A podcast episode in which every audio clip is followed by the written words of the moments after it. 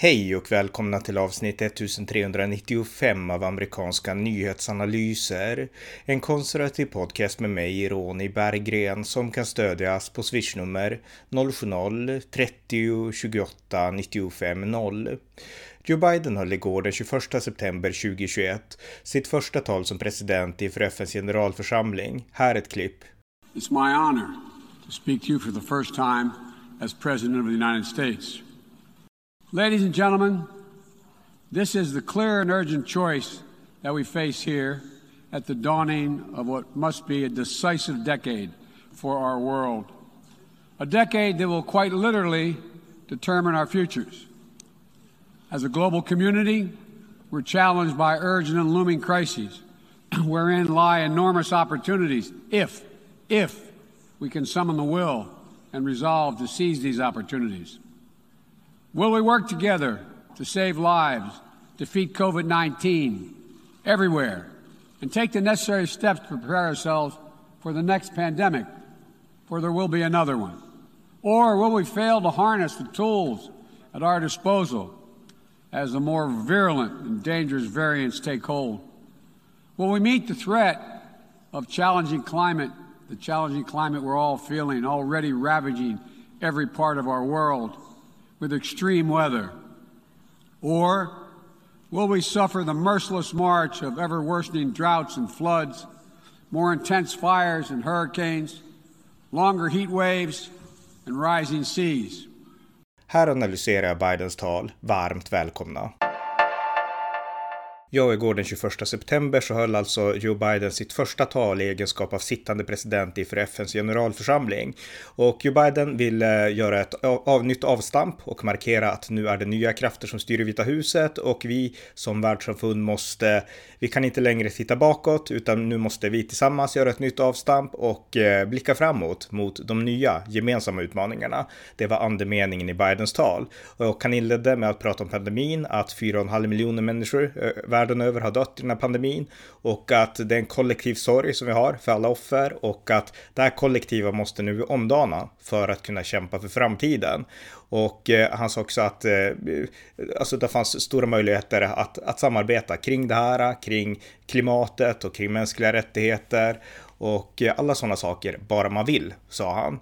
Och eh, han nämnde även andra hot som eh, eh, olika maktstrukturer. Han nämnde cyberhot som han gick in på ganska noggrant och han nämnde terrorism. Och eh, så gick han in på det lite grann för varje bit då, men inte så djupt alls. Och eh, han betonade väldigt mycket att eh, de här konflikterna som nu ligger framför oss, inklusive terrorism, det ska inte primärt lösas militärt. Han, han sa visserligen att om någon försöker något så kommer USA slå tillbaka, men, men det var liksom en betoning på att inte det militära utan det diplomatiska. Vill man försvara demokrati i världen, då ska man öka bistånd. Man ska inte skicka en militär, militär kan inte lösa allt, sa han väldigt tydligt. Och eh, han förklarade också att eh, ja, att genom att engagera sig så här så skulle USA också bli en tryggare plats. När världen lyfts så lyfts också USA. Och eh, han har försökt på något sätt att engagera USA i världen under sina åtta månader som president. Eh, han har återknutit USA till eh, Parisavtalet, klimatavtalet i Paris. Han har återslutit USA till WHO, Världshälsoorganisationen. Han har stärkt artikel 5 i NATO-alliansen, den som handlar om ett, ett gemensamt försvar då. Och eh, ja, och han betonade att USA vill under hans ledarskap och gå, återigen gå med i FNs råd för mänskliga rättigheter som lämnades i protest för liksom behandling av Israel och liknande. Eh, så att eh, det sa han också. Han betonade att samarbetet med EU har förnyats, att man har nytt partnerskap med Australien, det jag poddade om häromdagen, det nya säkerhetsavtalet. Man har betonat också att starkare band har eh, skapats till Indien och till Japan och sådana saker. Och eh, USA är tillbaka vid det internationella forumet igen, sa han, och det gällde i synnerhet FN. Och eh, USA vill nu inför världen leda genom att vara en del av världen, men också leda genom sitt eget exempel och eh, gå i spetsen i de här viktiga frågorna som, som jag nämnde kort tidigare då. Eh, pandemin och även nästa pandemi, för det kommer att komma en sån, sa Joe Biden. Eh, klimatförändringar, skybro, terrorism och eh, fattigdom och sådana saker. Där vill USA leda. Och eh, Joe Biden sa att Eh, Eh, att eh, återigen då, att det inte är bomber som kan liksom skydda mot covid-19. Han sa verkligen så. Och, utan det är vetenskap och politisk vilja. Och nu måste vi få människor att, eh, att ta vaccinen eh, mot covid-19. Eh, eh, shut in the arm, sa han. Och vi måste öka testerna i världen för att hantera det här. Och vi måste bygga upp ett nytt, eh, ja, ett nytt, eh, nya instrument eller kanske till och med en ny organisation för att hantera Eh, globala hälsohot och upptäcka nya pandemier. Och han berättar också att USA har bidragit med miljoner doser vaccin till över hundra länder via Covax och eh, han kommer också pålysa idag när USA håller i en global eh, covid-19 konferens. Fler åtaganden från USAs sida för att rädda liv då. Eh, han pratar också om klimatkrisen och att det här är en cold red for, for humanity och att det, det var, han citerade då FNs generalsekreterare och eh, vetenskapsmännen säger att världen är på väg mot the point of no return om man inte begränsa den globala uppvärmningen med 1,5 procent Celsius. Och eh, det kan bara göras om alla länder satsar hårt på den klimatkonferens som kommer att hållas i Glasgow, sa han. Och eh, ja, han fortsatte prata så här om lite olika frågor. Och eh, han pratade också om den nya teknologin och där betonade han något som, som jag tyckte var en av de mer intressanta sakerna i det här talet. Alltså med ny teknik så kan man göra bioigenkänning av människor och man kan använda tekniken för att hjälpa människor, lyfta människor. Men man kan också missbruka tekniken för att förtrycka och övervaka människor. Och USA vill bli en garant för att den nya tekniken, den snabbt växande tekniken, används för att hjälpa och lyfta människor, inte för att förtrycka eller utnyttja människor och liknande. Och det gäller alltifrån biavtryck, EFM, artificiell intelligens och så vidare. Eh, det betonade han verkligen. Och eh, samtidigt så ville han att tekniken skulle fortsätta och sa att USA investerar stort i innovationer över hela världen och eh, kommer att fortsätta med det också. Han vill också ha ett starkare internationellt samarbete mot cyberterrorism och cyberattacker och ett gemensamt regelverk i världen. Och eh, USA kommer att liksom svara på sådana attacker. Man vill att det skulle styras upp bättre globalt så att det blir ett samarbete snarare än en konfrontation. Då. Och eh, han sa att USA kommer fortsätta vara en god kraft för, värld, för världen. USA kommer att fortsätta att upprätthålla friheten att röra sig fritt på världshaven.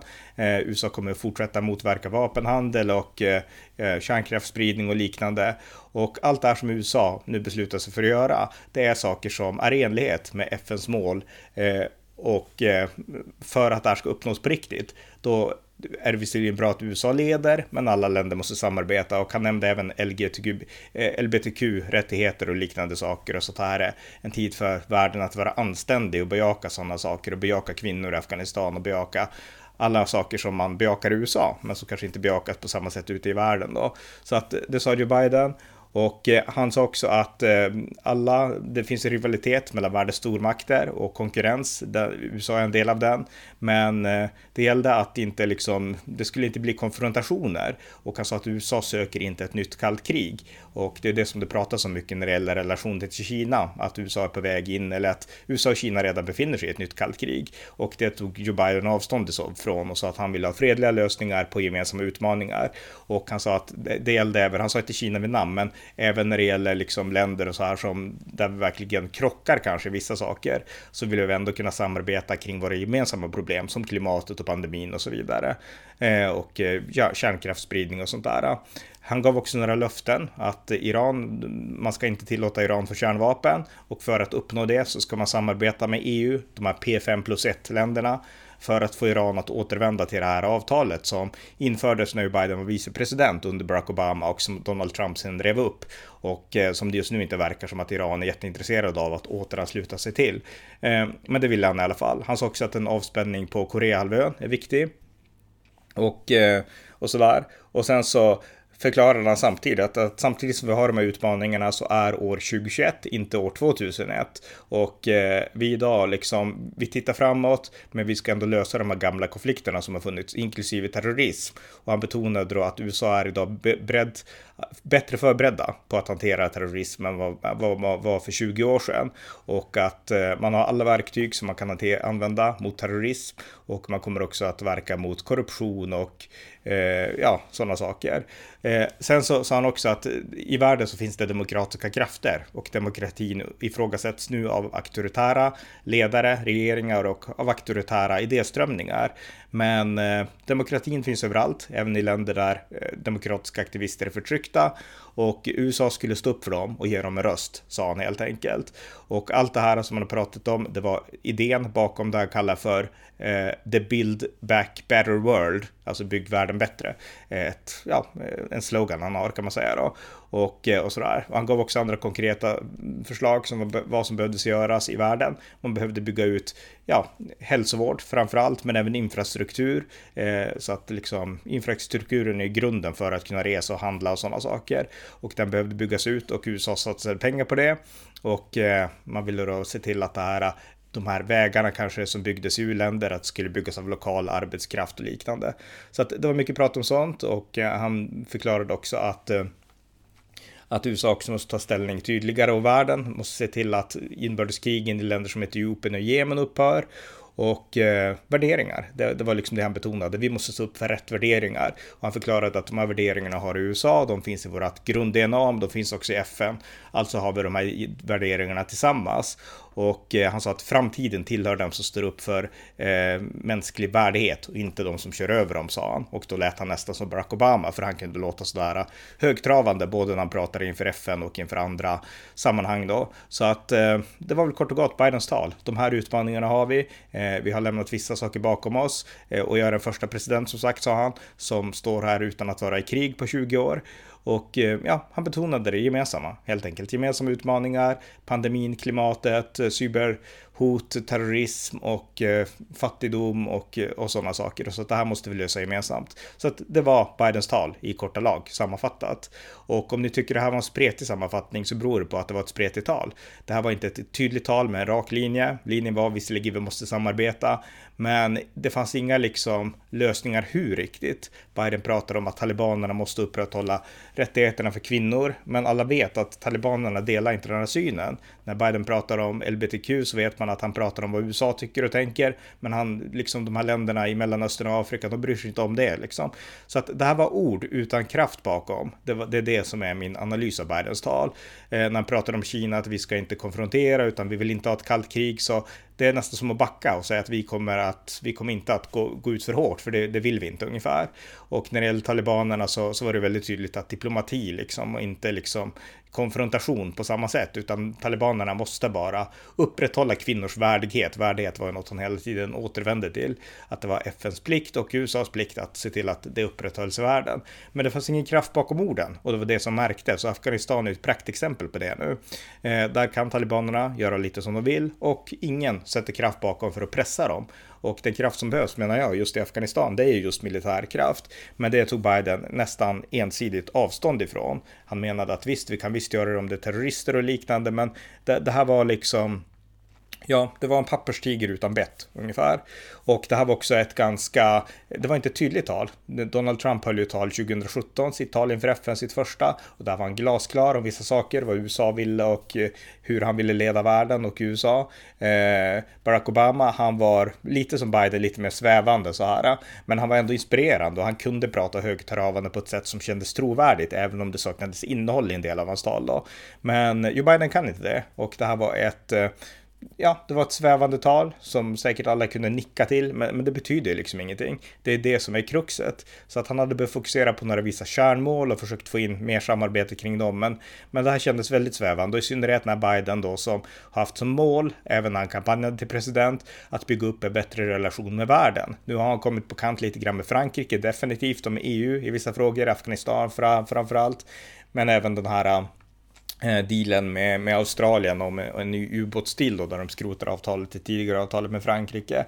Eh, så han hamnar på kant där, han hamnar på kant med ja, den demokratiska oppositionen i Afghanistan, de är inga vänner av Joe Biden, utan de känner att eh, visst, prata om demokrati, men när det kom till kritan så lämnade USA oss i sticket. Så att han pratar inte trovärdigt om de här frågorna som han nu pratar om och det är det som är lite problemet med det här talet. Det var liksom ett tal av en trött amerikansk president. Det, det, det är svårt att uttrycka det på något annat sätt. Och eh, jag tycker att är man ledare för världens främsta demokrati, världens största supermakt, då bör man vara en ledare som säger saker säger och det man säger ska betyda någonting. Det ska vara tyngd bakom orden. Och det var exakt det som det inte var i Bidens tal här. Så att det här var inget bra tal. Det var ju Bidens första tal inför FN, men det var inget bra tal. Det var inget tal med kraft och jag tror inte att det här kommer att leda till speciellt mycket det här talet. Så att det var lite min analys då av Bidens första tal inför FN igår. Det var avsnitt 1395 av amerikanska nyhetsanalyser. En konservativ podcast om amerikansk politik som kan stödjas på swishnummer 070-30 28 95 0 eller genom att via hemsidan stödja på Paypal, Patreon eller bankkonto. Det var allt för idag. Tack för att ni har lyssnat.